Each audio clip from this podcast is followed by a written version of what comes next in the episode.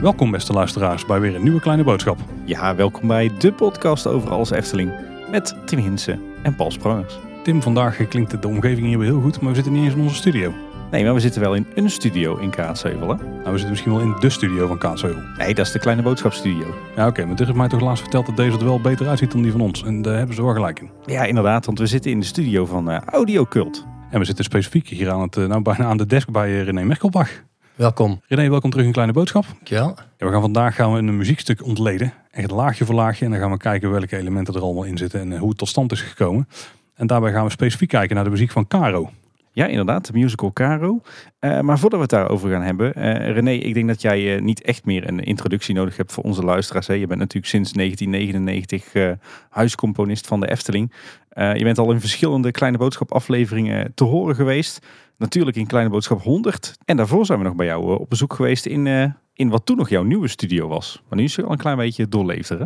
Hij is wel volwassener geworden, we het daarop houden. Ja, toen jullie hier waren, toen had ik al wel wat vloerkleden liggen, maar volgens mij nog niks tegen het plafond. Ik was allemaal nog een beetje de boel aan het, eh, aan het inrichten. Maar dat is nu onder controle. We kunnen nu gewoon fatsoenlijk opnemen zonder eh, last te hebben van beton eh, onder, beton boven en glas eh, voor en achter. Dat is eh, qua akoestiek niet al te best, nee. Daarom. Hey, maar vandaag gaan we dus specifiek inzoomen op Caro, de, de Efteling musical die eigenlijk sinds september 2018 draait, maar natuurlijk heel lang niet te zien is geweest als gevolg van corona. Vanaf 2 september van dit jaar is die weer te zien in het Efteling Theater. En eh, daarom gaan we het eh, vandaag natuurlijk uitgebreid over de muziek hebben. Maar dat doen we niet zomaar, eh, want Paul, we gaan dit doen volgens een heel nieuw concept voor Kleine Boodschappen. Nou, we gaan eigenlijk een beetje leentjebuur spelen. Want ik ben erg fan van de podcast Song Exploder. Dus als deze aflevering jou daar bevalt, dan ga die zeker luisteren. Dan kun je van heel veel andere ja, popartiesten, maar ook uh, film, muziekartiesten en soms zelfs videogames of mensen die de soundtracks van een serie schrijven. Dan kun je dan hele nummers uit elkaar getrokken horen worden. En dan krijg je het verhaal achter het liedje te horen. En daar hopen we vandaag ook te gaan doen, René. Nou, leuk. Het is eh, voor mij ook de eerste keer, dus eh, spannend. En eh, vooral ook spannend voor mij, omdat ik heb het natuurlijk gemaakt in eh 2018. Dus er zit alweer kle- kleine drie jaar tussen. Dus je opent toch weer een sessie en dan denk je toch weer van, ga je alles weer los beluisteren, wat we zo meteen ook gaan doen. En dan denk je toch van, oh ja, zo, zo zat dat en zo hebben we dat opgelost. Of had ik maar zus of zo opgelost. Kan ook, hè? Daar gaan we het allemaal over hebben vandaag. Eh, want ja, René, jij neemt ons eigenlijk op een eh, muzikale reis mee, hè, kunnen we wel zeggen. In deze aflevering eh, daar ligt de nadruk misschien meer op de muziek dan normaal. Dus luister je naar deze podcast en speel je die versneld af. Of gebruik je een technologie waardoor die de pauzes wegknipt. Dit is misschien een aflevering om die even uit te zetten. Want anders mis je wel een hoop van de essentie van de aflevering. En dan klinkt de muziek van Caro ineens heel raar. Nou, wij zullen de rest van de aflevering wat naar de achtergrond gaan. En aan het eind van de aflevering weer bij je terugkomen. Dus René, vertel ons het verhaal van de muziek van Caro.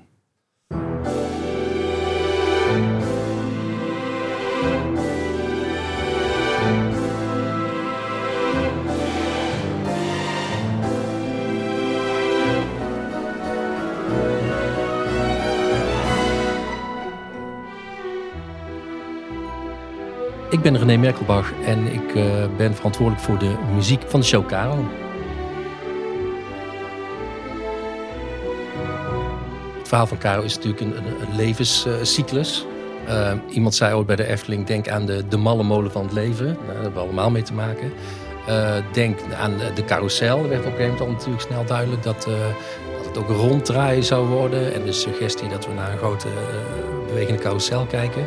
En ja, daar kwamen snel ideeën bij van, nou ja, gewoon die, die driekwartsmaat, zeg maar. Dat, dat walsen, dat, het zwieren. Je, je denkt al snel aan een, eh, bij een carousel aan een draaiorgel. Want je hebt natuurlijk het carouselpaleis in de Efteling. Daar heb je een bepaalde associatie mee qua muziek. Maar ik vond het niet interessant genoeg om ehm, die hele voorstelling met een draaiorgel eh, te laten horen natuurlijk. Het Caro-thema, eh, waar de show mee begint. Nou, de show mee begint na, na, na het liedje wat mevrouw Tijd zingt. Dat is de rode draad door de hele voorstelling. Maar dan krijg je in allerlei andere vormen en versies. Soms heel duidelijk en soms subtiel wordt die melodie een beetje aangeraakt. Eh, maar ik dacht, ja, dan, dan moeten we niet met, eh, met een draaiorgel willen, omdat dat toevallig is wat, waar we naar kijken en waar we de associatie mee hebben. Uh, dus het is, wat, het is wat orkestraler geworden, zeg maar. Dus in plaats van te beginnen met een draaiorgel en steeds meer orkest, hebben we het eigenlijk een beetje andersom gedaan. Gewoon meer, meer orkestgeluiden. En op een gegeven moment dan krijg je een beetje de climax in, in het stuk, in het openingstuk. En dan komt dat draaiorgel, echt draaiorgel trouwens, wat nagenoeg identiek is aan, aan die in het Carouselpaleis. Staat in het Draaiorgelmuseum in, in Haarlem. Dus uh, heeft precies dezelfde geluiden, uh, instrumenten die erin zitten. Um, dus dat wilden we, dat, ja, ik wilde heel graag daar naartoe. Dat hebben we ook daar opgenomen. En dat gaat hard. dat kan ik je vertellen. Maar goed, dat hebben we daar op allerlei manieren opgenomen en uh, uiteindelijk in de show verwerkt.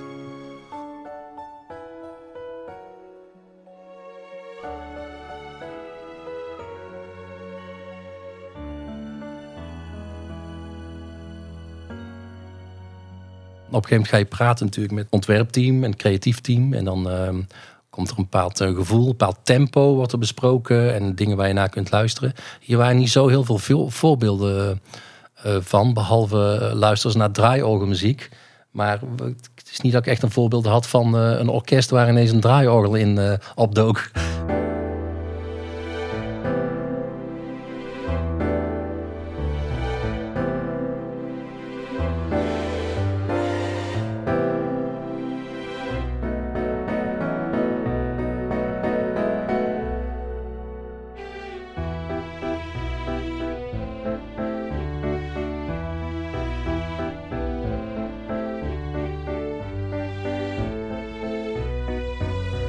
Wat je eigenlijk hoort is, uh, is eigenlijk het hoofdthema zoals je het kent. Maar zo begin ik altijd. Het is gewoon piano en uh, dan kan ik natuurlijk met de piano de akkoorden spelen en dan na de melodielijn eroverheen. Toch even hier een vioollijntje zoals je nou hoort. Vioolgeluidje. Een paar dingen over elkaar, maar nog niet de draaiorgel, nog niet die drums. Nog... Alles wat je nou met piano hoort zit in het liedje, uh, in de uiteindelijke versie ook zachtjes met piano, maar uitgewerkt met uh, blazers en strijkers. En, dus die pianopartij is eigenlijk verdeeld over, over het orkest, zeg maar. En dit is uh, demo in progress uh, 31 mei van het jaar. Het is nog niet eens zo heel veel tijd voor de première eigenlijk.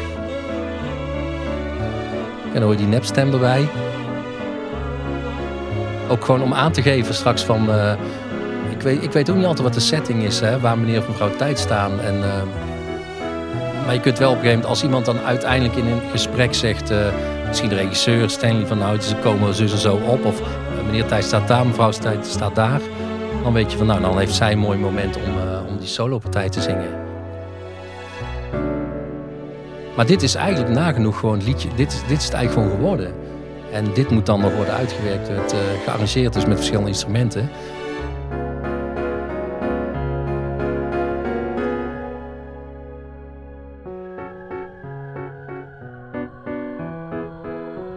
Alleen in uh, de uiteindelijke show is dit stukje met, uh, met draaiorgel. Met een klein draaiorgeltje. En later komt een heel groot uh, draaiorgel erbij. Daar hoor je doen ta ta ta ta doen titte titte. En die drummetjes erbij.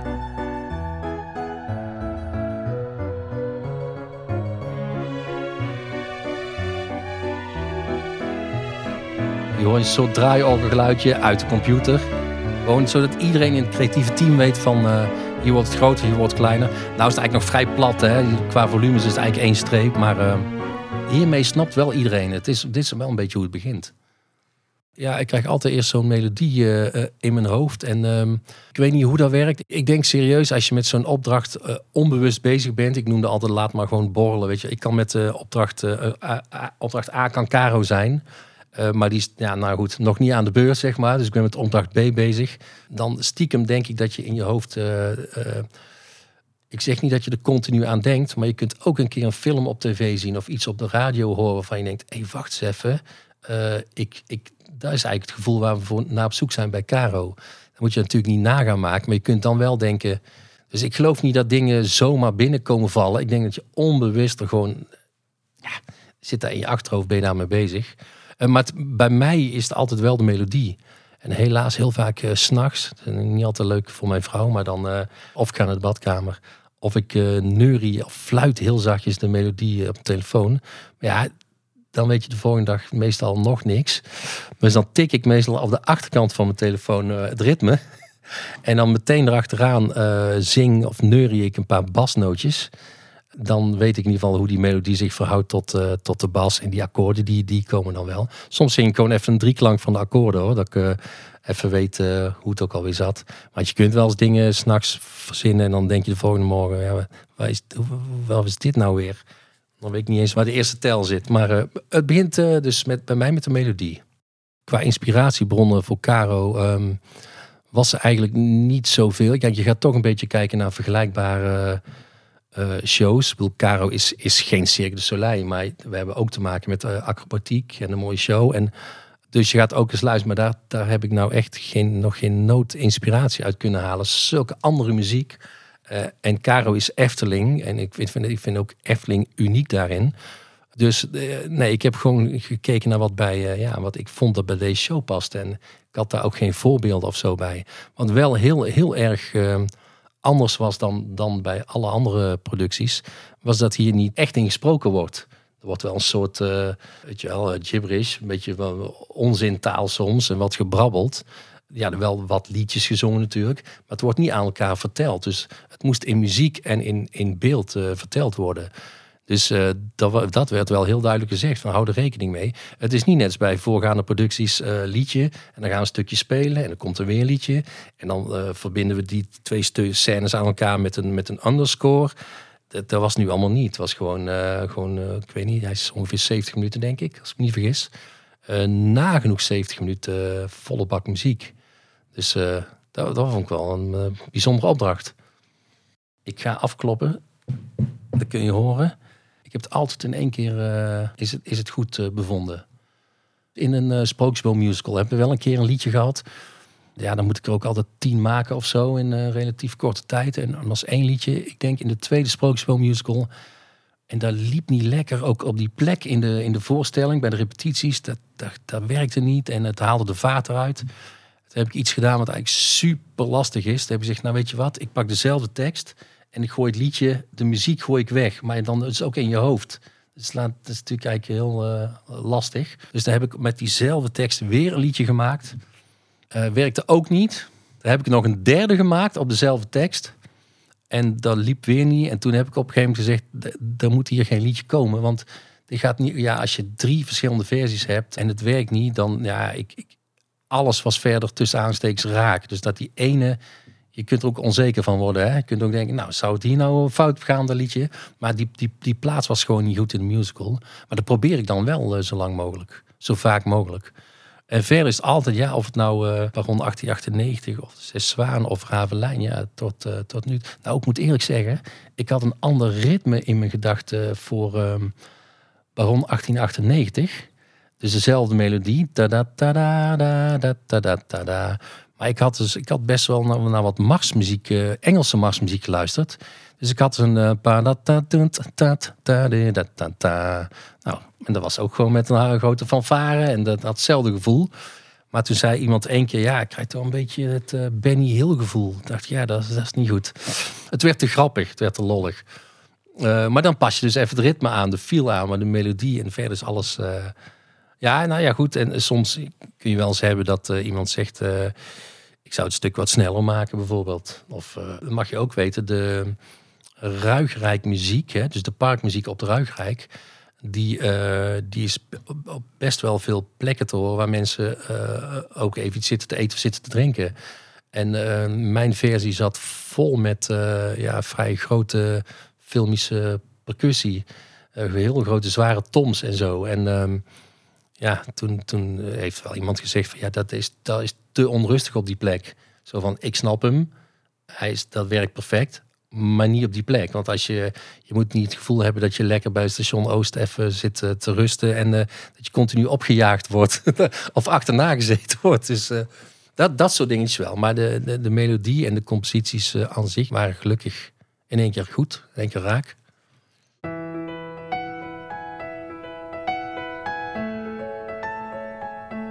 Moet je voorstellen als je 70 minuten muziek hebt, uh, of een voorstelling van 70 minuten die moet met muziek verteld worden, ga je niet zomaar uh, met een groot orkest ergens uh, zitten. Dus dat, is, onbetaalbaar voor, voor 70 minuten. En ook helemaal niet nodig trouwens, want het is niet allemaal helemaal orkestraal. Maar dan moet je dus wel een beetje slim omgaan met je, ik noem altijd het muzikantenbudget, muzikantenpotje. En kijken of je bijvoorbeeld het, het, het Latin-stuk, voor de mensen die het kennen, oftewel de dweilpauze ook genoemd, uh, daar zitten vol echte blazers bijvoorbeeld. En uh, de la Lassi was een bestaand nummer. Dat heb ik verbouwd. Dat is nu voor de helft Rumba de la Lassi. En voor de helft, ik heb het nu Rumba de la Caro genoemd. Dus de helft de oude melodie, dan gaat hij over in de Caro-melodie. Echte drums, echte blazen en zo. Dus dan moet je creatief per liedje bekijken wat het, wat het belangrijkste deel is, uh, instrument is in, in het stuk waar het om gaat. En in het geval van, uh, van het hoofdthema waren dat dan de blazers. Ik wil daarmee zeggen, ik ga een paar dingen los laten horen. En dan zul je horen dat niet alles uh, door echt instrumenten is ingespeeld. Maar om te beginnen heb ik natuurlijk die piano gepakt, die je ook in de demo hoorde.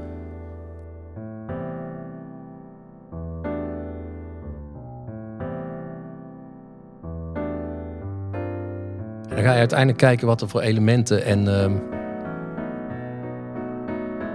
partijen in die piano uh, zitten. Dan heb je natuurlijk de bas. Je kunt die basnoten uit, op een gegeven moment uit je piano halen. En die vervang je door deze contrabassen.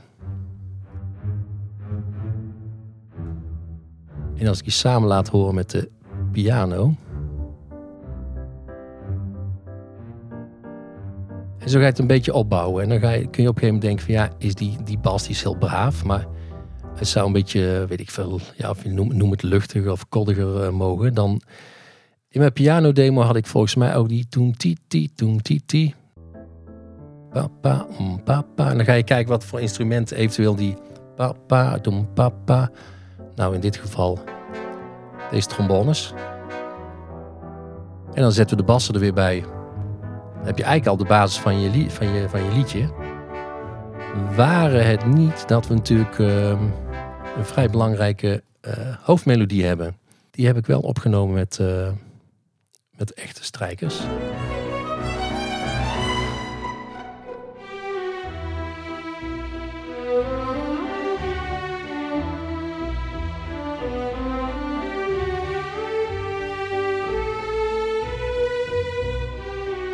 Dan ga je eigenlijk een beetje stapelen, hè?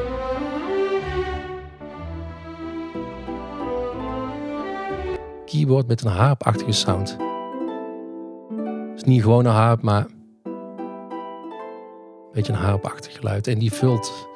gewoon, ja, ik noem dat maar echt eh, extra kleurtjes om het interessanter te maken. In feite was je met die bas, uh, die piano en die uh, trombones heb je eigenlijk het hele, en die violen heb je eigenlijk het hele liedje al getackeld.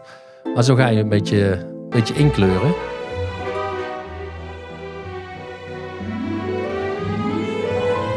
Nou, dit is ook zoiets. Alle houtinstrumenten, alle fluiten, klarinetten enzovoort. Ik zal die even bij de rest aanzetten.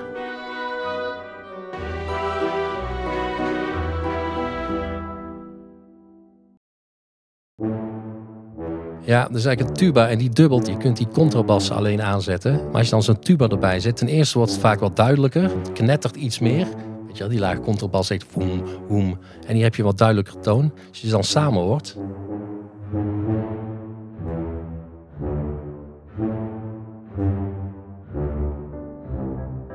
Het wordt er iets, ja, ik noem het maar koddiger van, zeg maar, iets luchtiger.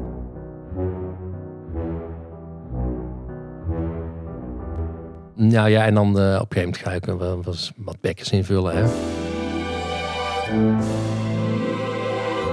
Even los. Niet zo spannend, maar uh, hoort wel bij. Pauken. Ook zoiets. Die zijn ook niet echt. Ik heb hier geen uh, setje pauken staan. Wat ik altijd doe, dat kan helemaal niet in orkest. Deze pauken spelen dezelfde noten als die, uh, als die contrabassen. Dan kun je wel wisselen van tonen op pauken in orkest. Maar je hebt geen heel octaaf, zeg maar. Net zo'n piano voor je neus. Dus technisch gezien zou, het, ja, zou je meerdere paukenisten nodig hebben, denk ik.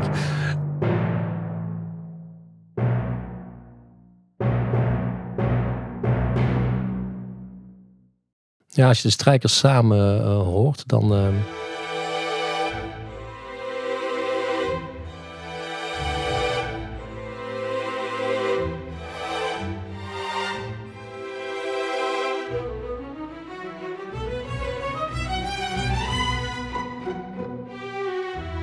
Niks mooier dan echte violen opnemen, hè? Ja, je kunt de mooiste geluiden uit de computer hebben. Maar als hier iemand zit die... eh, dat, dat bedoel ik dus goed. Zit te, te krassen. En, eh, ik, ik noem het altijd, ik heb het vaak gezegd, ik noem het ook gewoon lucht opnemen. Zet gewoon een microfoon ergens bij. En, eh, geluid beweegt zich door een ruimte. Dat is anders dan wanneer ik, zeg ik ook altijd, als een heel goed geluid onder een toets van je keyboard zit, dan kan ik honderd keer die toets indrukken en dan heb ik honderd keer dat perfecte geluid. Maar die, echt, die muzikant speelt nagenoeg perfect. Mensen zijn niet perfect en spelen niet perfect. Als je eh, twintig violisten die nagenoeg perfect spelen, als je die allemaal tegelijk opneemt, dan maakt dus dat het samen heel vol en heel rijk klinkt. Zouden ze 100% hetzelfde spelen, dan zou het robot zijn. Dan zou het dus eh, dunner klinken dan wanneer ze allemaal, ja, zet maar 50 man in een koor neer. Probeer ik ook wel eens aan mensen uit te leggen. Als ik 50 keer zing, mezelf 50 keer opneem, dan klinkt dat koortje als 50 keer mijn stem. Dat is helemaal niet mooi breed, zeg maar. Plus dat ik een misthoornstem heb, dus mooi wordt het sowieso niet. Maar eh, zet je 50 verschillende mensen neer, weet je wel, dat is die optelsom van al die verschillende eh, klanken. En dat is met strijkers natuurlijk ook zo. Sowieso heb ik best wel wat bijzondere akkoorden voor het intro. Gewoon hoe die er vol in komt met al die strijkers en zo, is gewoon. eh, daar, daar geef je me aan dat er iets gaat gebeuren. Eh, we hebben geen eh, circus, we hebben geen stalmeester die zegt dames en heren, hopsakee. En er komt een heel verhaal achteraan, attentie en opgelet. Die is er niet. We hebben wel meneer tijd natuurlijk. Maar ehm, eh, die muziek moet het eigenlijk vertellen. Dat, dat de show echt, echt begonnen is.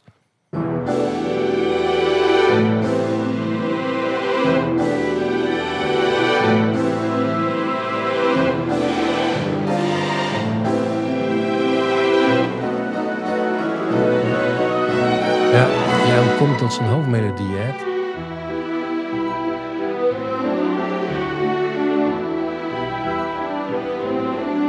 melodie die, eh, die schiet je gewoon op, op gegeven moment te binnen. Maar ik vind wel als je bij, ehm, eh, bij dat, dat zwierige gevoel, zal ik maar zeggen, dat ronddraaien, ja, daar, dat, dan heb je niet het gevoel eh, dat er hele snelle noten bij moeten komen.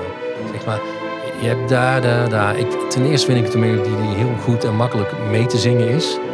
Dat is geen voorwaarde hoor, maar gewoon, eh, ja, ik weet niet, ik vind mooie, eh, redelijk eenvoudige eh, noten. En ehm, onderin gebeurt van alles in de akkoorden. Die zijn niet iedere keer hetzelfde, dat lijkt wel. Dat vind ik altijd heel interessant als je, zeg ik altijd, als je iets heel makkelijk mee kunt, kunt zingen. En onderin, eh, dat, lijkt dan heel simpel. Onderin, onderin noem ik dan altijd de akkoorden en de bassen gebeuren verrassende of interessante dingen. Ook dat is geen voorwaarde als je muziek schrijft. Maar dat vind ik dan zelf wel interessant om, eh, om daarmee te, mee aan te rommelen. Eh, maar dit is gewoon een makkelijke, ja, fijne melodie die ook goed mee te zingen is. Dat gebeurt ook later in het stuk. Ja, die dat zwierige gevoel geeft. Dat is eigenlijk wat het is. En als je hier hele korte staccato nootjes zou spelen, dan dat zou ik hier niet bij vinden passen. Dus eh, ja, dat is eigenlijk hoe, hoe die melodie dan ontstaan is. Wat ik altijd doe in de demo-fase is natuurlijk ehm, de zanglijn alvast opnemen. Want de meneer en mevrouw Tijd die het moeten gaan zingen, die moeten wel weten wat ze moeten gaan zingen. Dat doe ik ook altijd zelf. Maar in dit geval had ik ook wat mensen die wat, wat eh, koortjes mee eh, hebben ingezongen. Bart Vonk is er eentje van. Misschien kennen de mensen die wat nou, van mijn leeftijd zijn, die nog van Chaotic bijvoorbeeld. Voor de mensen die Chaotic nog kennen. En Natasja de Toom, die zie je regelmatig op tv bij. Als je bij eh, ik, ik hou van Holland naar boven kijkt en naar de Ik hou van Holland bent, staat Natasja erbij. Maar ook andere gigantische projecten. En die heeft ook een fantastische thuisstudio. Maar dan stuur ik dat dan dus daar naartoe. En dan, dat doe ik dan eigenlijk om aan hun te vragen. ehm, ik kan het zingen en eh, degene die mevrouw Tijd speelt, Talita was dat in dit geval heel lang. Die weet precies wat ze moet zingen. Maar als ik het dan alvast heb met een zangeres, dan snapt ook iedereen binnen het creatieve team van eh, eh, wie dit moet gaan zingen. Dat dat niet meneer tijd is, maar dat dat mevrouw tijd is. Nou, en dan krijg je dus eh, dit soort tussenversies.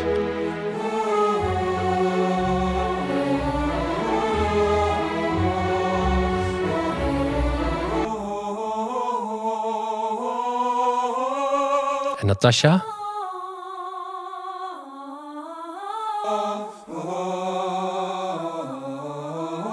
Heb hier zelf nog een, een, een- nepgeluiden, een. Nou, dat is echt niet om aan te horen. Maar ja, je moet toch ergens een keer iets mee neerzetten. Dat is dit. Lekker eh, staccato en robotachtig. Maar dat maakt niet uit. Dat, dat is op een gegeven moment, je moet, je moet iets inspelen, je moet iets neerzetten. En daar kun je mee naar de acteurs toe. En dan kun je zeggen, kijk, dit is de melodielijn. Die wordt ook nog op papier gezet. De meeste eh, eh, acteurs in de musical kunnen dat eh, lezen. Maar sommigen ook niet. Dat is ook helemaal niet erg. Die zeggen, nou geef maar een opname, zoek ik het uit en dan, dan komt het goed. Maar met dit soort dingen kun je nog eens een keertje terugvallen bij repetitie nummer 30. Als iemand zegt, hoe zat het ook alweer? Zeg je, nou, je hebt die opname gekregen en dan kun je, op, kun je nog een keertje naar luisteren. Dus, dus dat is eigenlijk ja, waarom je dit soort tussenfasen... En dat is dan heel jammer voor Bart en Natasja zijn fantastisch. Maar ja, die hoor je natuurlijk niet meer in dit nummer. Dat is dan weer heel jammer. Maar, eh, maar goed. Dus zo werkt het met die, eh, met die stemmen die je af en toe eh, laat horen. Normaal heb ik natuurlijk alle geluiden helemaal los in de computer. En moet je voorstellen als je twintig keer een, één violist opneemt. Want ik heb dit niet met twintig violisten tegelijk gedaan. Iedere vioolpartij zes keer gespeeld. Dat zijn al twintig vioolsporen. En dan heb ik nog al die andere geluiden. Alles, dat is zo'n grote eh, sessie waarbij alles onder elkaar staat. Die kan ik meenemen naar het theater, zeg maar, waar iemand dan die eh, zaalmixen maakt. Maar ja, dan zit hij met een hele hoop eh, losse geluiden. Dan maakt het eigenlijk heel ingewikkeld. Die moet dan uitzoeken wat is wat, hoe is dit bedoeld. Dus wat we dan altijd doen, dan maken we stems. En stems is eigenlijk een ander, is een heel ouderwetse afkorting voor stereo masters.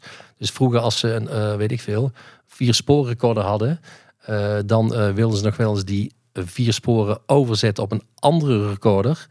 En dan hadden ze weer, en dan konden ze een beetje pingpongen tussen twee recorders. En dan noemden ze die tussenmixen stereo masters. Tegenwoordig noemt iedereen dat gewoon stems. Maar het is ook gewoon een ander woord voor tussenmixen. En diegene, eh, Luc Vermeulen in dit geval, die de zaalmix heeft gedaan, die krijgt dan ehm, van die 20 violen gewoon één spoortje. Dus ik mix die al. Diverse keyboardpartijen, diverse blazerpartijen, krijgt hij gewoon één streepje met blazers. Dat gaat niet helemaal op, want ik probeer dan nog wel trompetten, eh, trombones, tuba bijvoorbeeld onder te verdelen. Maar speelt er iemand acht keer trompet, krijgt hij één spoortje met al die trompetten. Dat kan wel eens een nadeeltje zijn, hè? want ik heb bijvoorbeeld eh, voor This is Holland in Amsterdam muziek gemaakt. Eh, ook stems aangeleverd tussen mixen. Dat was zo'n aparte opstelling, kun je je voorstellen. Hè? Twee, twee verdiepingen en ehm, voor de mensen die het niet kennen, twee verdiepingen met die, die banken die, waar die vlucht mee gaat maken. Maar boven moest het eh 7.1 surround klinken en beneden ook. Dat was een vrij ingewikkelde opstelling.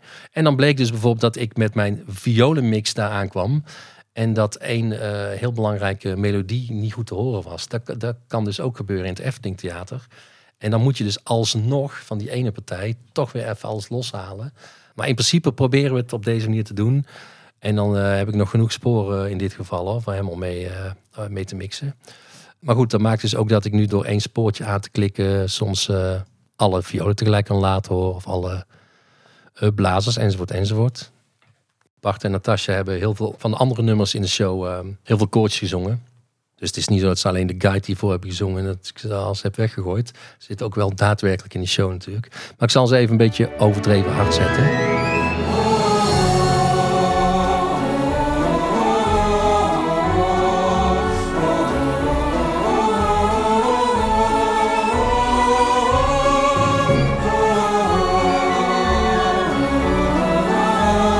ons klokkenspelletje laten horen. Allemaal hele kleine subtiele geluidjes, maar die maken het wel, eh, ik noem dat kleurtjes of versieringjes, dit soort dingetjes.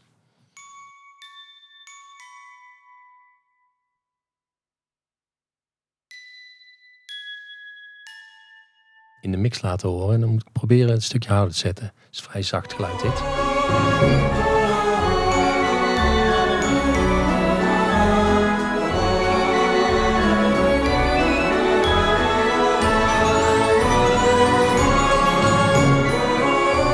Dit soort dingen, ja, hoort ook een beetje bij de Efteling, hè? Belletje hier en daar, twinkeltje hier en daar natuurlijk. Ja, je gaat een beetje opbouwen. Kijk, als er, als er herhaling zit in, in, een nummer. En, ehm, nou, bijvoorbeeld, als je in het eerste stuk, ik, ik, ik het even te plekken, maar als je het eerste stuk hebt, da da da, even niks, da da da da da da, dan heb je al gauw in een, in een tweede rondje dat je dat niks momentje van net een beetje opvult. Dus da da da pu du du du ba da da da da da da ti di da da da dat die melodieën zich eh, eh, elkaar aanvullen en dan liefst niet met dezelfde geluiden. Dus als die violen die hoofdmelodie spelen.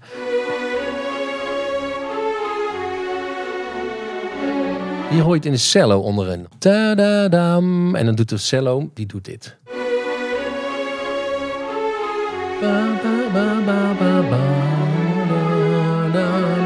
Zingt net of vals, maar je hoort wel wat daar gebeurt. En zo, zo, zo krijg je eigenlijk een opbouw in het nummer. Want, eh, het begint wat kleiner en naar de climax toe. Zometeen komt dat draaiorgel erbij. Dan is het gewoon volle bak eh, allemaal. Ehm, ja, zo probeer je een beetje, beetje eh, afwisseling en- opbouw in het nummer te krijgen. Een beetje interessant te maken. Dat klokkenspel wat je net hoorde, dat staat heel zacht. In het eh Efteling Theater heb je een vrij eh, ja, ingenieuze speakeropstelling. Dat moet ook wel, want je zit, eh, je zit 360 graden ongeveer dan. Hè? Je moet van vier kanten, laat ik zo zeggen, allemaal even goed horen. En ja, als ik zit te luisteren, ik heb speakers links en speakers rechts, een mooi stereobeeld dus.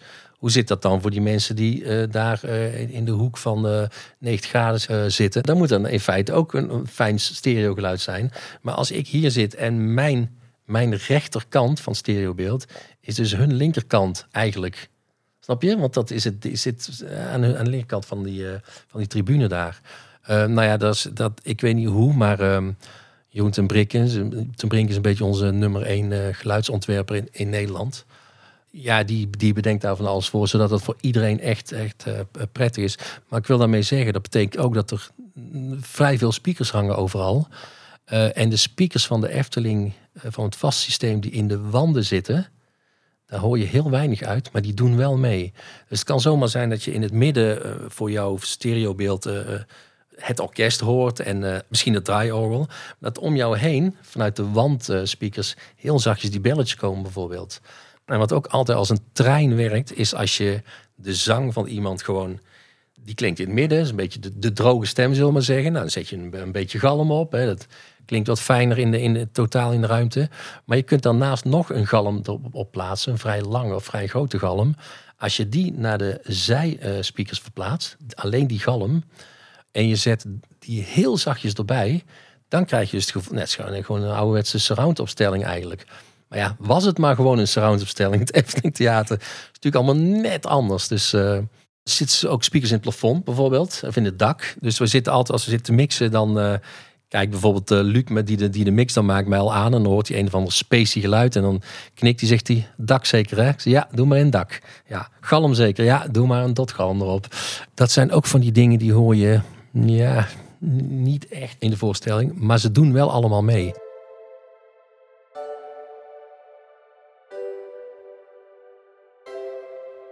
Dat stelt op zich niet zoveel voor natuurlijk. Als ik nou de mix aanzet, dan zal hij verdwijnen. Zo zacht staat hij.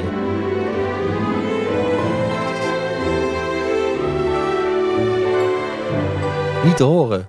Maar hij doet wel mee in de show. Het kan zijn in het dak dus, met die galm.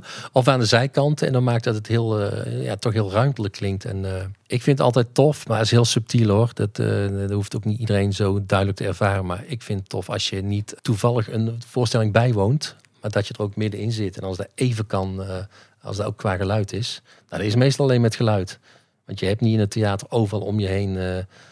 eh, eh, eh, danseressen en licht van alle kanten en zo. Het is natuurlijk al een beetje in het midden te doen. Dus als dan qua, geluid een beetje om je heen kan gebeuren. Raaflijn is ook zo'n ding trouwens. Daar heb ik heel erg op gehamerd om, om diverse geluiden van achter te laten komen. Ik weet niet of ik dit mag vertellen natuurlijk. Maar ehm, de paarden die in Ravelijn achter je voorbij hoort komen... Ja, die hoor je natuurlijk bij iedere show even snel voorbij komen... en even hard en op hetzelfde moment hinniken. Ja, dat zijn van die dingetjes die hebben we natuurlijk van tevoren opgenomen met de echte paarden. En die worden dan eh, naar achteren gemixt, zodat je echt het gevoel hebt dat je in de show zit en niet alleen maar eh, ergens naar, naar zit te kijken. Als ik die muziek maak, eh, dan denk ik nog niet aan hoe we bepaalde geluiden zullen plaatsen in het theater of hoe die gaan werken. Hier in stereo, op mijn studio speakers moet gewoon goed klinken. En eh, hoe dat dan later daar ehm, gemixt gaat worden of verdeeld gaat worden over de speakers, dat hou ik dan eigenlijk nog geen rekening mee. Ik moet ook heel eerlijk zeggen, ik ben er niet zo goed in om Kijk, sommige mensen kunnen script lezen en dan kunnen ze die hele show eh, al visualiseren. Of iemand kan een lege ruimte zien en die weet al precies hoe die die eh, gaat, gaat inrichten. Soms kom ik bij een repetitie bijvoorbeeld, of ik zie een maquette van de show, die wordt ook meestal gemaakt. En dan, dan valt het kwartje eh, beter, zeg maar. Denk oh, zo gaat dat zien. En dat is hoe eh, groot de, weet ik veel, decorstukken in de ruimte zijn. Oh, en dan komen ze van die kant aan. Nou snap ik het. Maar dan ben ik meestal al wel een heel eind op weg met de muziek. En dat, dat maakt verder niet uit. Maar het is niet dat ik van tevoren al denk van... oké, dat zijn zo de speakers. Straks gaan ze zo binnenkomen... en dan laten we dat geluidje daar vandaan komen. Het, het, eh, helaas, nou ja, helaas. Het is niet erg. Maar ik kom er altijd pas achter bij het eh, mixen in de zaal. Omdat natuurlijk bij Caro er ook een referentie was aan de, aan in de Efteling... En ook het geluid daarvan ben ik op zoek gegaan naar eh, een plek waar ik een draaiorgel kon opnemen. Dat is niet zo makkelijk als je zou denken. Want je kunt op verschillende plekken een draaiorgel opnemen, maar die moet wel jouw muziek spelen. Eh, wat, ik, wat ik dus heb gedaan, we zijn naar het Draaiorgelmuseum in Haarlem gegaan. En ik heb een arrangeur, iemand die arra- arrangementen maakt voor draaiorgels, ook voor dat museum. Die heb ik op een gegeven moment mijn muziek gegeven. En eh, gezegd van nou, dit gebeurt er bij mij in de, nou noem het maar op, fluiten, violen, blazers. En eh, kun je dat omzetten naar draaiorgelinstrumenten. dat heeft hij gedaan. En ik ben blij dat ik dat met hem heb gedaan. Want dus, dat is echt, eh, ja, het is een aparte discipline. Ik zit niet wekelijks in de draaiorgels, gelukkig. Maar was wel heel leuk, heel leuk om te doen. Kijk, ik maak mijn muziek op een, in een bepaald tempo. En dat zetten we dan een metronoom bij, clicktrack noemen we dat dan. Uh, en dat is allemaal in de maat. En als iemand niet in de maat speelt, dan zetten we het wel uh, netjes in de maat. Dat kun je allemaal perfect maken. Maar dat draaiorgel doet niks in de maat. Ook al wordt het aangestuurd met een... Gewoon, er staat echt niet iemand gewoon zo te draaien. Wordt door een motor aangestuurd. Maar dat is nooit 100% in de maat. En het is ook niet 100% zuiver. Want ja, zo werkt dat gewoon niet. Dus je, je, je moet dan... We hebben verschillende takes opgenomen best veel microfoons van dichtbij, verder af, een keertje verplaatsen. Dit uh, ging ontzettend hard. Uh, wat gebeurt er als je de microfoons bij, uh, dichtbij zet? ja, klinkt dat beter dan, dan van in de ruimte, enzovoort, enzovoort. Daar hebben we heel erg mee gespeeld. En dan krijg je uiteindelijk je opname mee naar huis. Ja, die moet je dan toch wel een beetje gelijk gaan zien te zetten met, met, je, orkestgeluiden eigenlijk. Als het koor erin komt, dan, um, dan komt het draaiorgel er ook bij voor het eerst. Maar dat wordt daarna steeds drukker.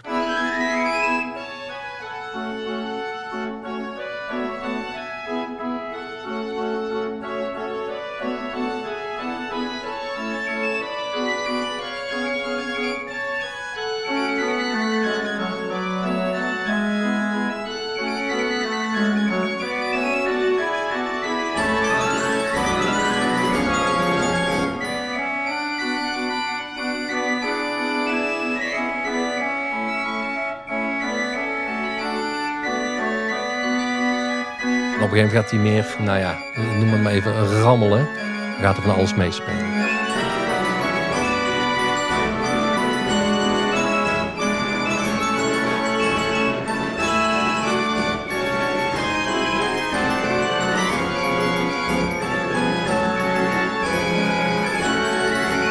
Ik vind dat echt kicken. Ik heb in een demo op voor het idee even ook zo'n draaiorgelgeluidjes en zo uh, erbij gepakt. Maar ja, dit soort mensen die zitten daar gewoon op, zeg maar. Die doen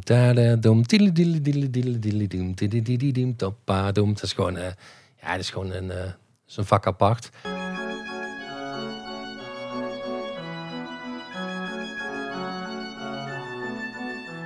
Hier zingt mevrouw Tijd dat uh, hoge stuk, die hoge stem. Dat is eigenlijk alleen mevrouw Tijd met dit draaiorgel.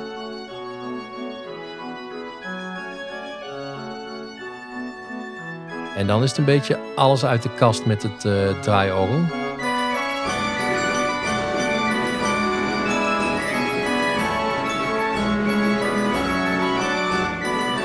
Ik zal de muziek er even bij aanzetten. Dan krijg je een idee van uh, hoe het zich tot de muziek verhoudt.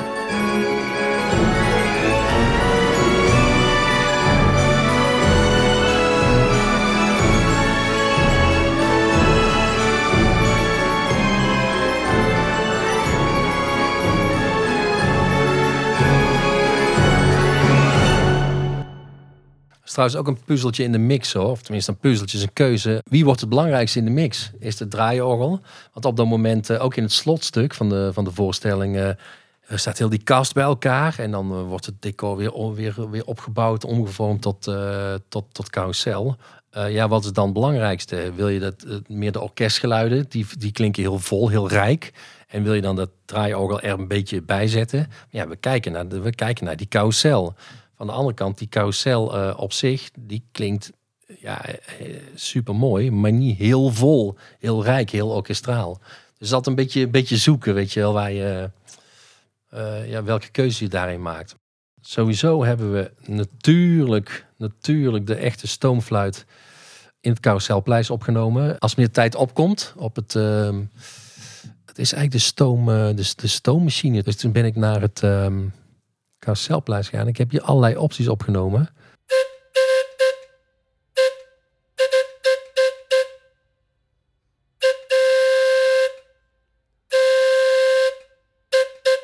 Dit is in de maat dus van de muziek van Caro. Waarop een medewerker zei, want ik zei, ja, we kunnen ook even, uh, weet ik veel, van alles opnemen.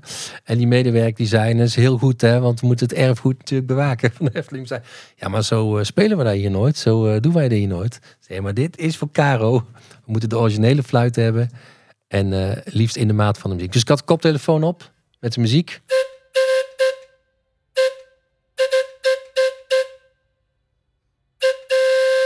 En een beetje in de maat mee, uh, mee bewegen. Gewoon een touwtje trekken hè, van die hendel. Ik heb de onderkant van de carousel opgenomen. De onderkant is gewoon een microfoon onder die uh, draaischijf. Don't try this at home, zeggen ze dan. Hè? Niet met z'n allen nu onder die schijf gaan, gaan liggen. Ik moet eerlijk zeggen, ik heb hem gehoord in de zaal, in de mix. Ik weet niet of ik hem zelf nog zou herkennen. Je? Soms heb je van die dingen die voeg je toe en die doen iets. Maar soms staan ze zo zacht dat je ze pas mist als je, uit, als je uitzet. Snap je wat ik bedoel? Je kunt de hele avond geen last hebben van de afzuigkap in de keuken. En als iemand hem dan afzet, dan denk je, oh, dat is fijn. Zo zacht is het dan, zeg maar. En, uh, want dat is op het moment dat de, de hele muziek opstart, het wordt voller en voller.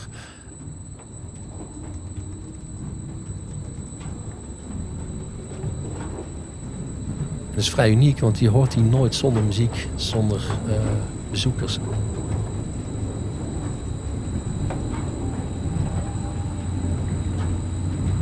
Dat is vrij bizar, want dan sta je met... Uh, ik was met een collega, Rosalie, die heeft heel veel sounddesign gedaan voor, uh, voor Caro. Ja, dan sta je toch met z'n allen gewoon drie minuten heel stil te zijn. en de onderkant van een carousel op te nemen. Het Caro uh, hoofdthema wat je net hebt gehoord is, uh, is ook de rode draad. De muzikale rode draad door de voorstelling. Buiten natuurlijk de andere muziek. Hè. Er zijn een aantal bekende nummers die worden gezongen. En uh, ook een aantal bekende Efteling melodieën natuurlijk. Maar die Caro melodie die komt, steeds, die komt regelmatig terug. Soms hoor je hem heel duidelijk. En soms denk je van... Hey, is,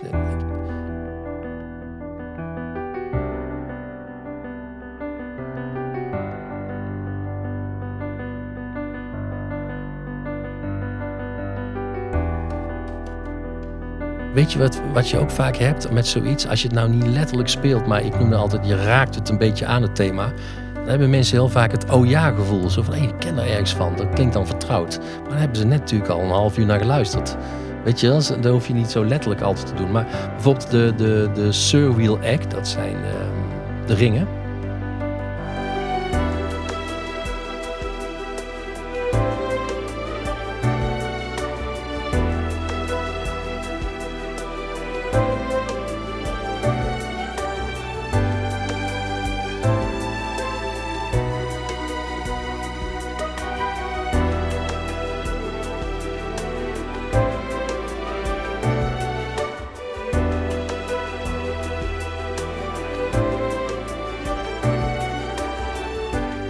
Hebben we hier een stukje. Ik heb dat Ruma de La Caro genoemd. Maar dat is eigenlijk een bestaande klezmer band. een bepaalde muziekstroming.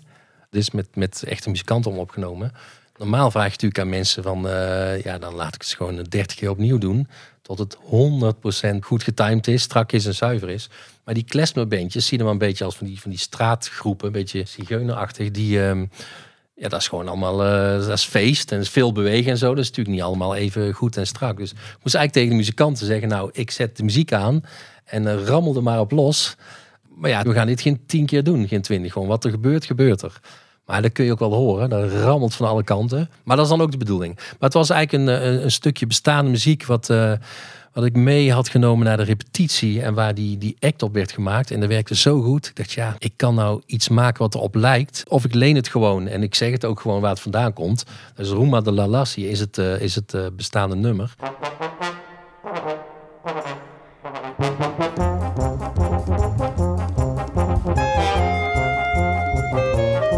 Zo wordt het dan ook nog een keertje verwerkt, uh, die rode draad.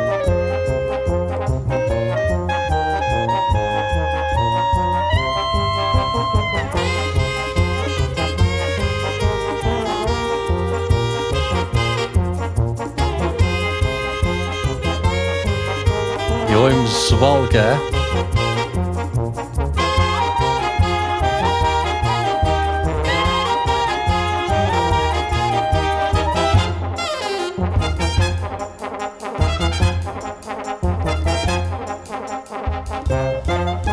Dit stuk begon met het Caro-thema en daarna kwam het originele thema erachteraan.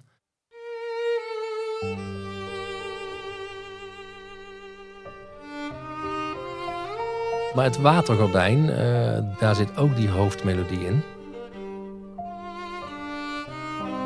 Die komen uit Dans Macabre, hè?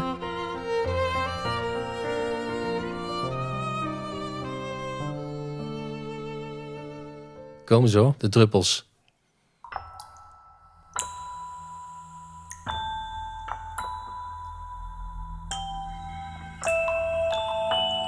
Super getimed op de muziek daar. Dat was een puzzeltje hoor.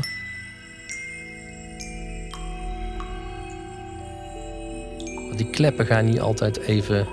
gaan niet altijd op dezelfde manier open. Dus er moet een heel goed gemiddelde gevonden worden bij de druppels. Je, de ene keer als je een pingeltje hoort, is die druppel nog daar. Bij de volgende show kan bij de pingeltje de druppel al bijna beneden zijn.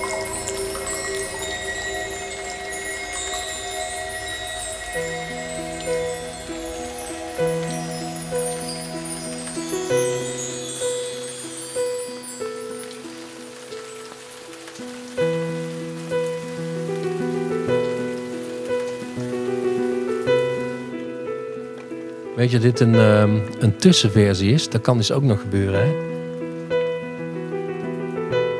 Wat je nou hoort is alleen maar piano. En op een gegeven moment, een aantal repetities, dacht ik...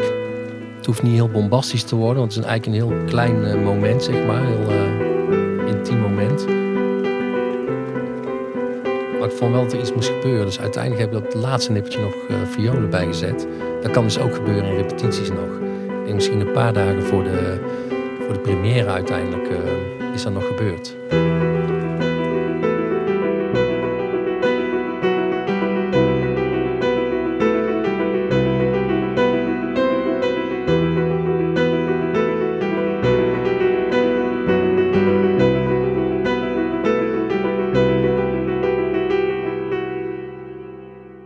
Hier zat het hoofdthema alleen in het begin, maar ook deze. En dan zal ik, uh,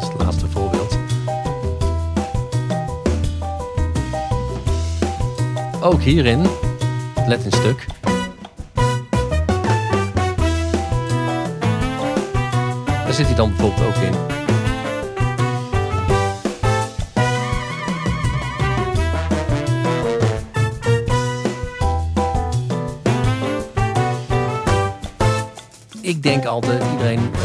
Melodie dan ook echt herkent. Maar het kan zomaar zijn dat mensen denken, ja, mooi uh, stukje muziek. Maar dat ze het helemaal niet. Dat, uh, zo heb ik bijvoorbeeld ooit muziek geschreven voor um, de schatkamer van de Efteling.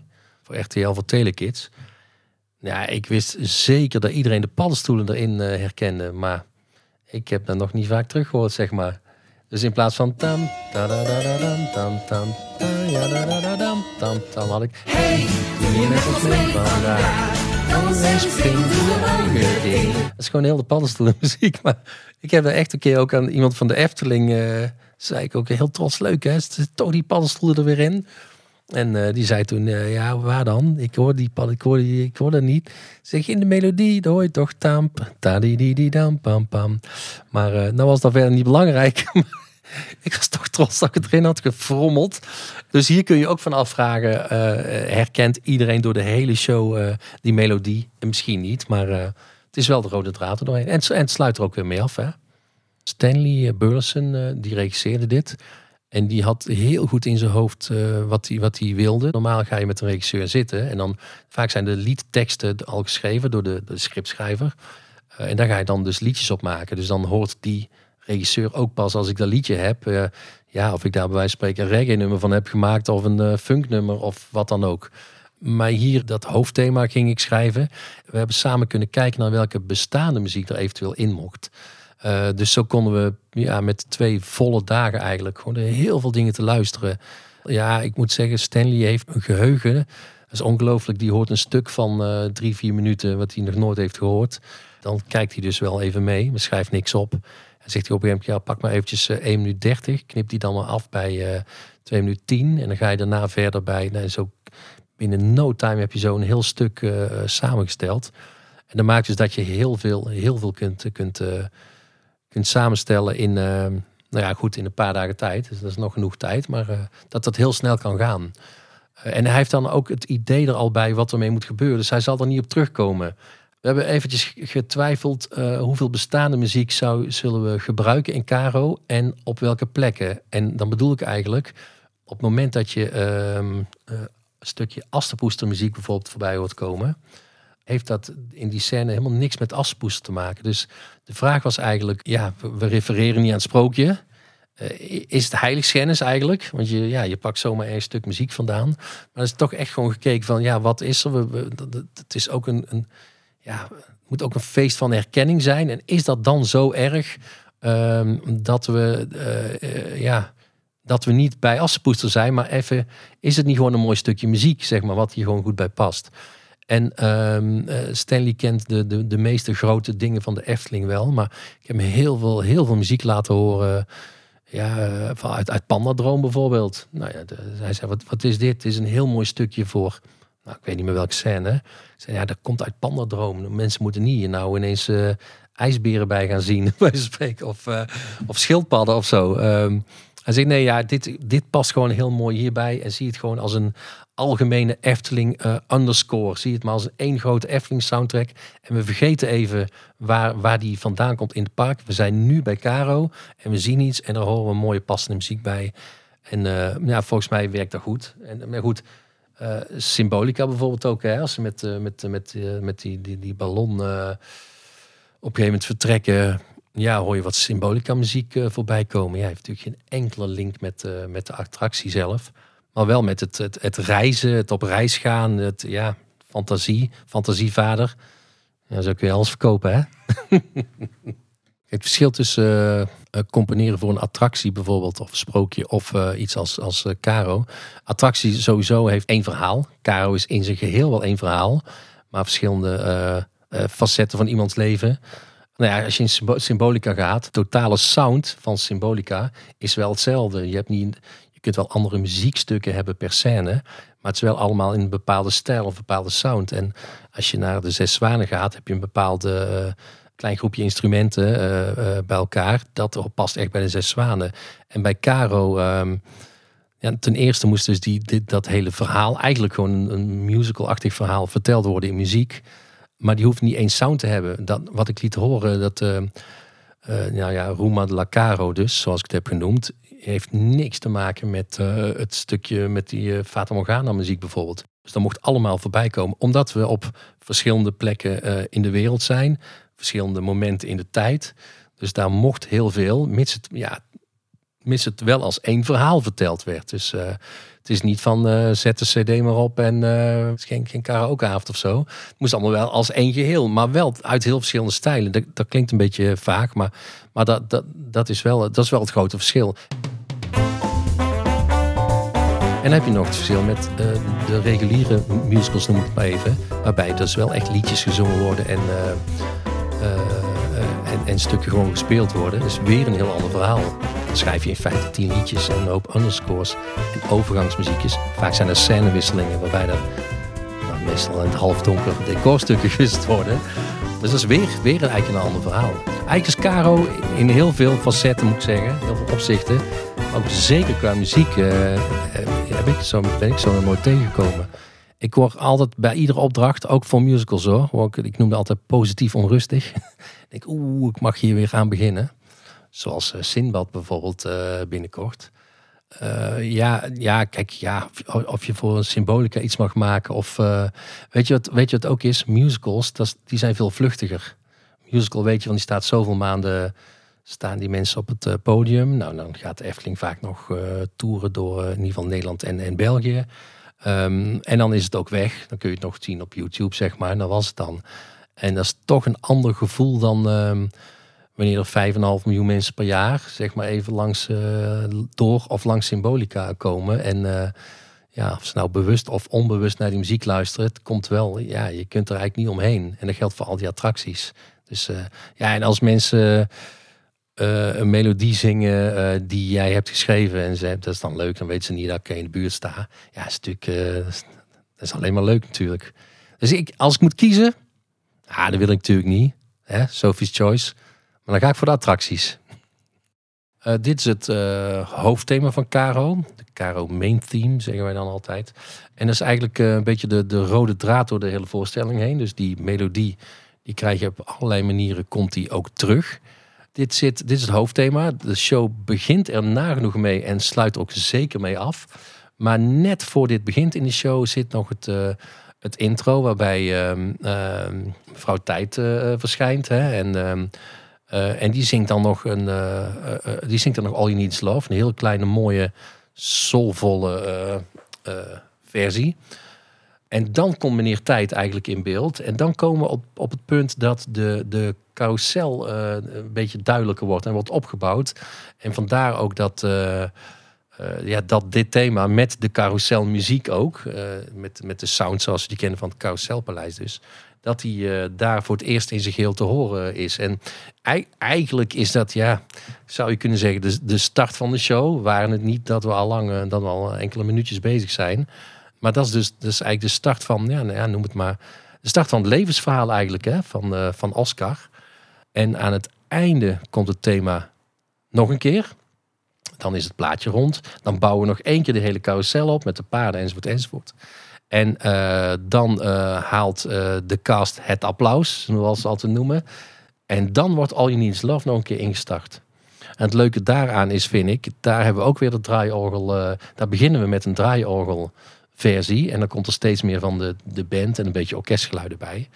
Maar dat is eigenlijk, uh, ja, dan noemen we een beetje de, is een beetje, ja, de applausmuziek. Eigenlijk, eigenlijk is het verhaaltje dan al rond. Je, zult misschien uh, zien dat er dan ook weer, alweer wat meer licht aan is in de zaal. Het publiek ziet elkaar. De cast ziet het publiek. Dat is ook wel eens een keer leuk, hè? Dan weten ze voor wie ze hebben gespeeld. En dan is dat nog eventjes, ja, dan gaat meestal het publiek ook wel staan. En dan krijg je nog even in de sound van Caro. All You Need Is Love uh, van de Beatles komt dan nog een keertje voorbij. All You Need Is Love beginnen we heel klein mee in het begin. Die, die, die balladversie. En we sluiten af aan het einde met die uh, carousel en orkestversie. Caro is ook, uh, staat voor, uh, als ik me niet vergis, liefde of mijn liefste in het, in het Spaans. En All You Need Is Love, dus uiteindelijk ook de boodschap. wat er ook allemaal gebeurt in die voorstelling. Is niet allemaal even mooi natuurlijk. Maar het hoort er ook bij. En uiteindelijk denk ik dat de boodschap is dat de liefde overwint. Dat is diep hè? Kleine diepe boodschap. Um, als je zou vragen wat mijn favoriete uh, stuk zou zijn in de show. Um, uiteindelijk ben ik natuurlijk, uh, ja, als die keer weer fijn shit uh, verzonnen krijgt. En als het allemaal wel lukt en wil aanslaan. Maar ik vind, um, ik heb eigenlijk een paar stukken waar ik altijd denk van, oh ja, even, ook even achterover en lekker luisteren. Dat is bij de Surwheel Act. Wat ik echt ook zo leuk vind aan, aan deze voorstelling is, er komt van alles voorbij. Want je hebt bijvoorbeeld de Fata Morgana muziek. En die gaat op een gegeven moment over in een danceversie. Ja, daar hebben we ooit een keer eerder gedaan bij een uh, zomeravond volgens mij. En dan kan dat, maar normaal niet in een attractie. En hier dus wel, maar ook de sounds en die, die rustige beat, zeg maar, die uh, bij de, de Surwheel, de ringen act, zeg maar, uh, voorbij komt.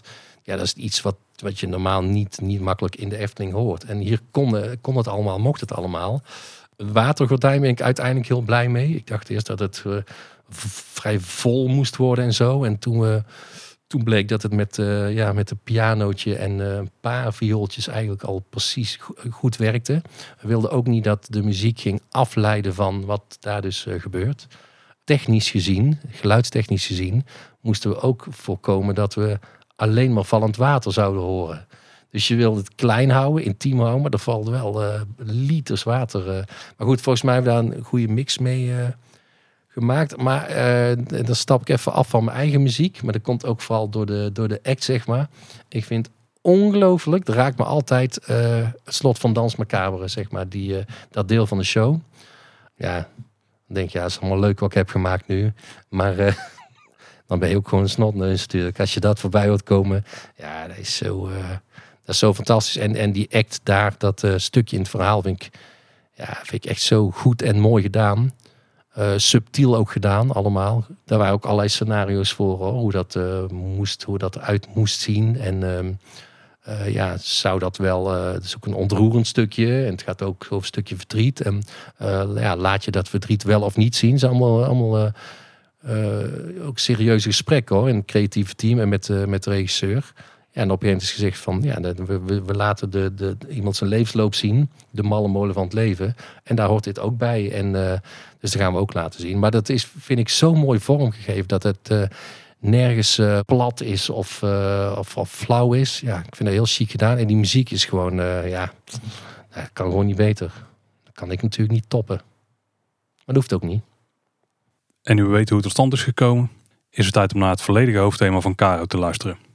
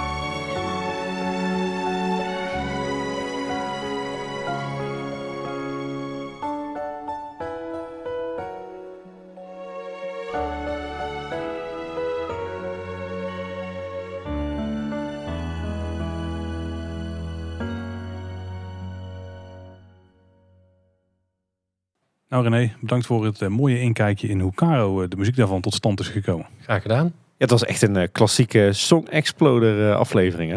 Ja zeker, ja, want het is geen geheim dat deze aflevering gebaseerd is op de podcast Song Exploder. En daar trekken ze ook iedere aflevering een nummer helemaal uit elkaar. En dan gaan ze met de componist erover praten. Of met de muzikant die verantwoordelijk is voor het stuk. Dus vind je dit soort afleveringen nou interessant en wil je het ook van andere niet-Efteling muziek horen? Check dan zeker die podcast ook. Ja, en wil je meer te weten komen over Caro, dan kan je natuurlijk terecht op de Efteling website. Want Caro staat dus weer in het Efteling Theater. En eh, in aflevering 48 van Kleine Boodschap eh, namen we je mee naar de première van Caro. Dus daar eh, kan je ook altijd nog even naar luisteren. Daar hoor je verschillende interessante interviews met de creatief betrokkenen bij het bij de musical. Zeg René, luisteraars die jou dus nog niet kennen, die kunnen het beste even afleveringen 74 en 100 luisteren van Kleine Boodschap. Maar kan je ons eens kort bijpraten, waar ben je nu eigenlijk zo al mee bezig? Oh ja, ik ben met verschillende dingen bezig. Onder andere een korte animatiefilm voor uh, Kaching, animators in, die in Rotterdam zitten. En misschien dat de Efteling-liefhebbers hun nog kennen van De Lummels bijvoorbeeld. Dat is ook de ooit door Kaching. En de Grobbenwollen maken lol, die serie. En het is wel leuk, want sinds ik via de Efteling met hun uh, in contact ben gekomen, heb ik nou, toch wel het meeste van wat zij daarna hebben geproduceerd zelf de muziek uh, bij mogen maken. Dus dat is wel leuk hoe je dan met mensen in contact komt en dan dus ook een beetje bij elkaar blijft plakken. En zij maken al een aantal jaren op een rij korte animatiefilm. en die gaan, het gaat altijd de hele, de hele wereld rond. Dat is heel succesvol. Maar dat onder andere. En ehm, ik heb de eh, afgelopen tijd wat meer, eh, het afgelopen anderhalf jaar, wat meer tijd gehad om eh, wat eigen muziek uit te brengen. En ik had al heel lang het idee om, om kinderliedjes en kinderverhaaltjes. Nou, verhaaltjes is een groot woord, want het is meer ja, het niveau. het, gaat over een meisje wat ongeveer zeven is. Lanilou heet ze. En die maakt eigenlijk niks mee. Dus als ik zeg van dit zijn de avonturen van Lanilou, dan gaat het eigenlijk gewoon over de eerste grote fiets en gewoon over de verjaardag. En gewoon op bezoek bij oma. Maar goed, daar had ik die liedjes uh, voor geschreven. En um, Fred Meijer kennen ook best wel veel mensen, denk ik. Althans, die Efteling-liefhebber zijn, is, is een heel bekende voice-over.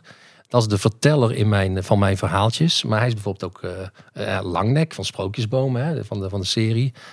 En en een hele hoop kabouters en vaak hier. Eh. maar goed, die heeft een verhaaltje verteld. En um, na ieder verhaaltje zegt Lou, uh, zegt de verteller. En dan heeft Lou ineens een liedje in haar hoofd. En dan volgt het liedje, ook maar twee minuutjes, uh, wat gaat over dat verhaaltje wat we net hebben gehoord. Uh, dat is Lou. En ik heb de eerste drie liedjes zijn uitgekomen. De volgende komt binnenkort uit. Want ik wil het liefst één per maand laten, nou ja, een video laten maken. Kost veel tijd.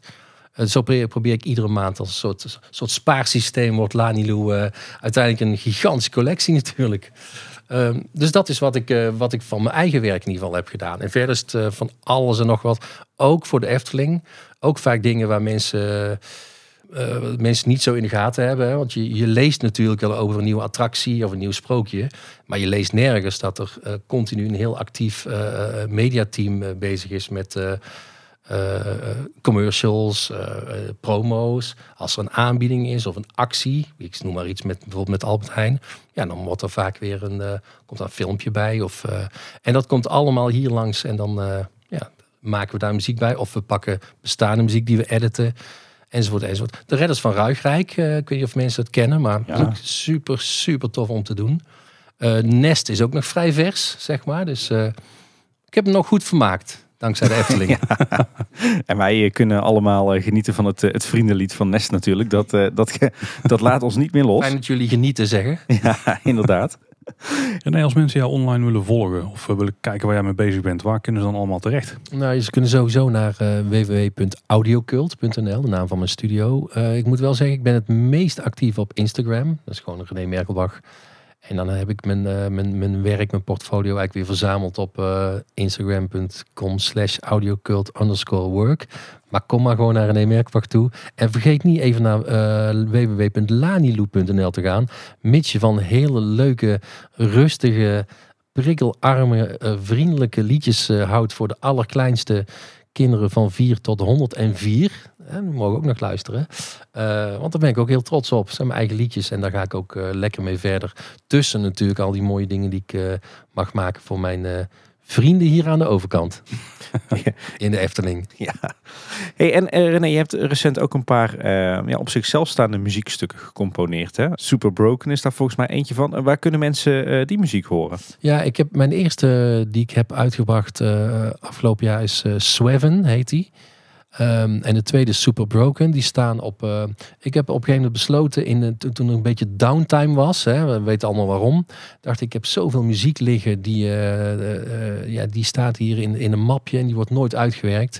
En ik kreeg via de, de, de, de opnameleider van, ehm, eh, van de Galaxy Studios, waar we vaak opnemen met orkesten. die zei, ik ga een, zijproject doen. Ik ga met eh 15 violisten in een kerk in België allerlei opnames doen op een dag voor allerlei verschillende projecten. En als je wilt, nemen we jouw nummer daar ook in mee. Ik had hem een keertje een demo laten horen. Hij zei, als je wilt, nemen we jouw nummer daar ook in mee. Dus ineens had ik eh, eh, ja, v- 15 violisten bij elkaar. Moet je die inhuren voor één sessie? Eh, ik bedoel, dit is een, dit is een tussen een hobbyproject. Ik moest het zelf financieren. En nu kon voor een relatief ja, aangenaam tarief kon ik daar dus opnemen met eh 15 violisten. Dus dat nummer heb ik geschreven in 2016. Dat is blijven liggen. En ik dacht, ik ga dat gewoon een keertje, een keertje doen. Hoe leuk het ook is om dingen in opdracht te maken. En je bent ook altijd blij als het dan weer lukt en zo. Eh, het is ook een keertje fijn. En ik denk ook heel gezond. Ook sowieso voor je, je creatieve brein. Om eens een keer iets te maken waarbij eh, er geen... Er, zit geen, er ligt geen druk op. En als niemand het wil luisteren, wil niemand het luisteren. Maar er is geen enkel bedrijf van afhankelijk of een themapark afhankelijk van of ik dat wel of niet goed doe. Dus ik was daar helemaal vrij in. Er hoefde ook niemand iets bij te sturen. Kan het wat sneller, kunnen violen.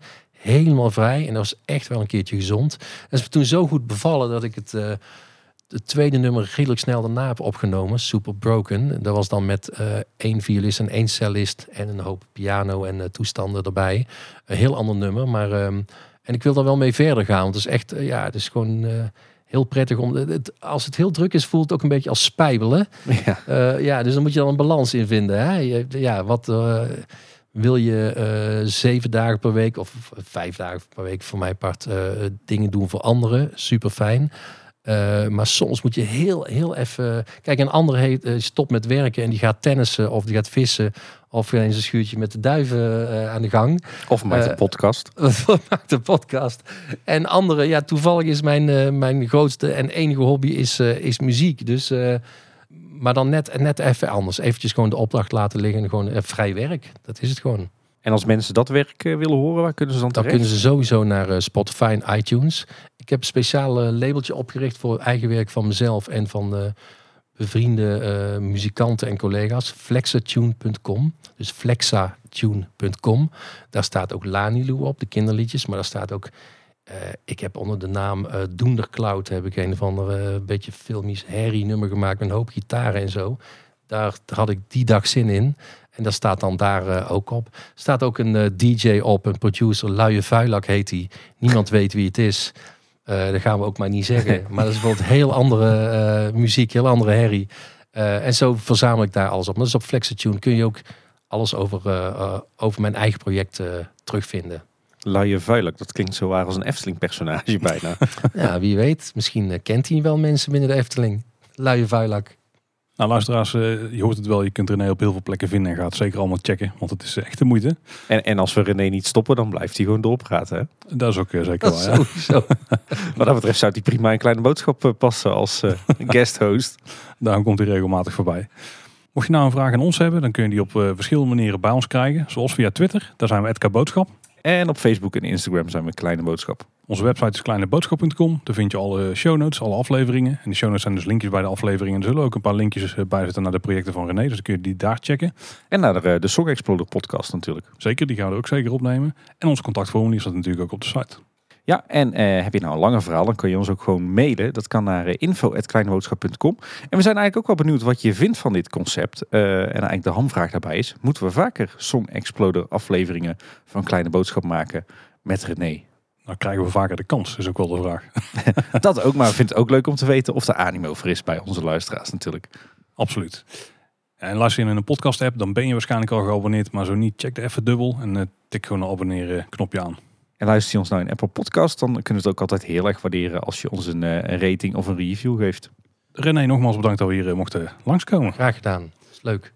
En luisteraars, dit was weer voor deze keer. Bedankt voor het luisteren. Tot de volgende keer. En houdoe. Houdoe waar. Houdoe.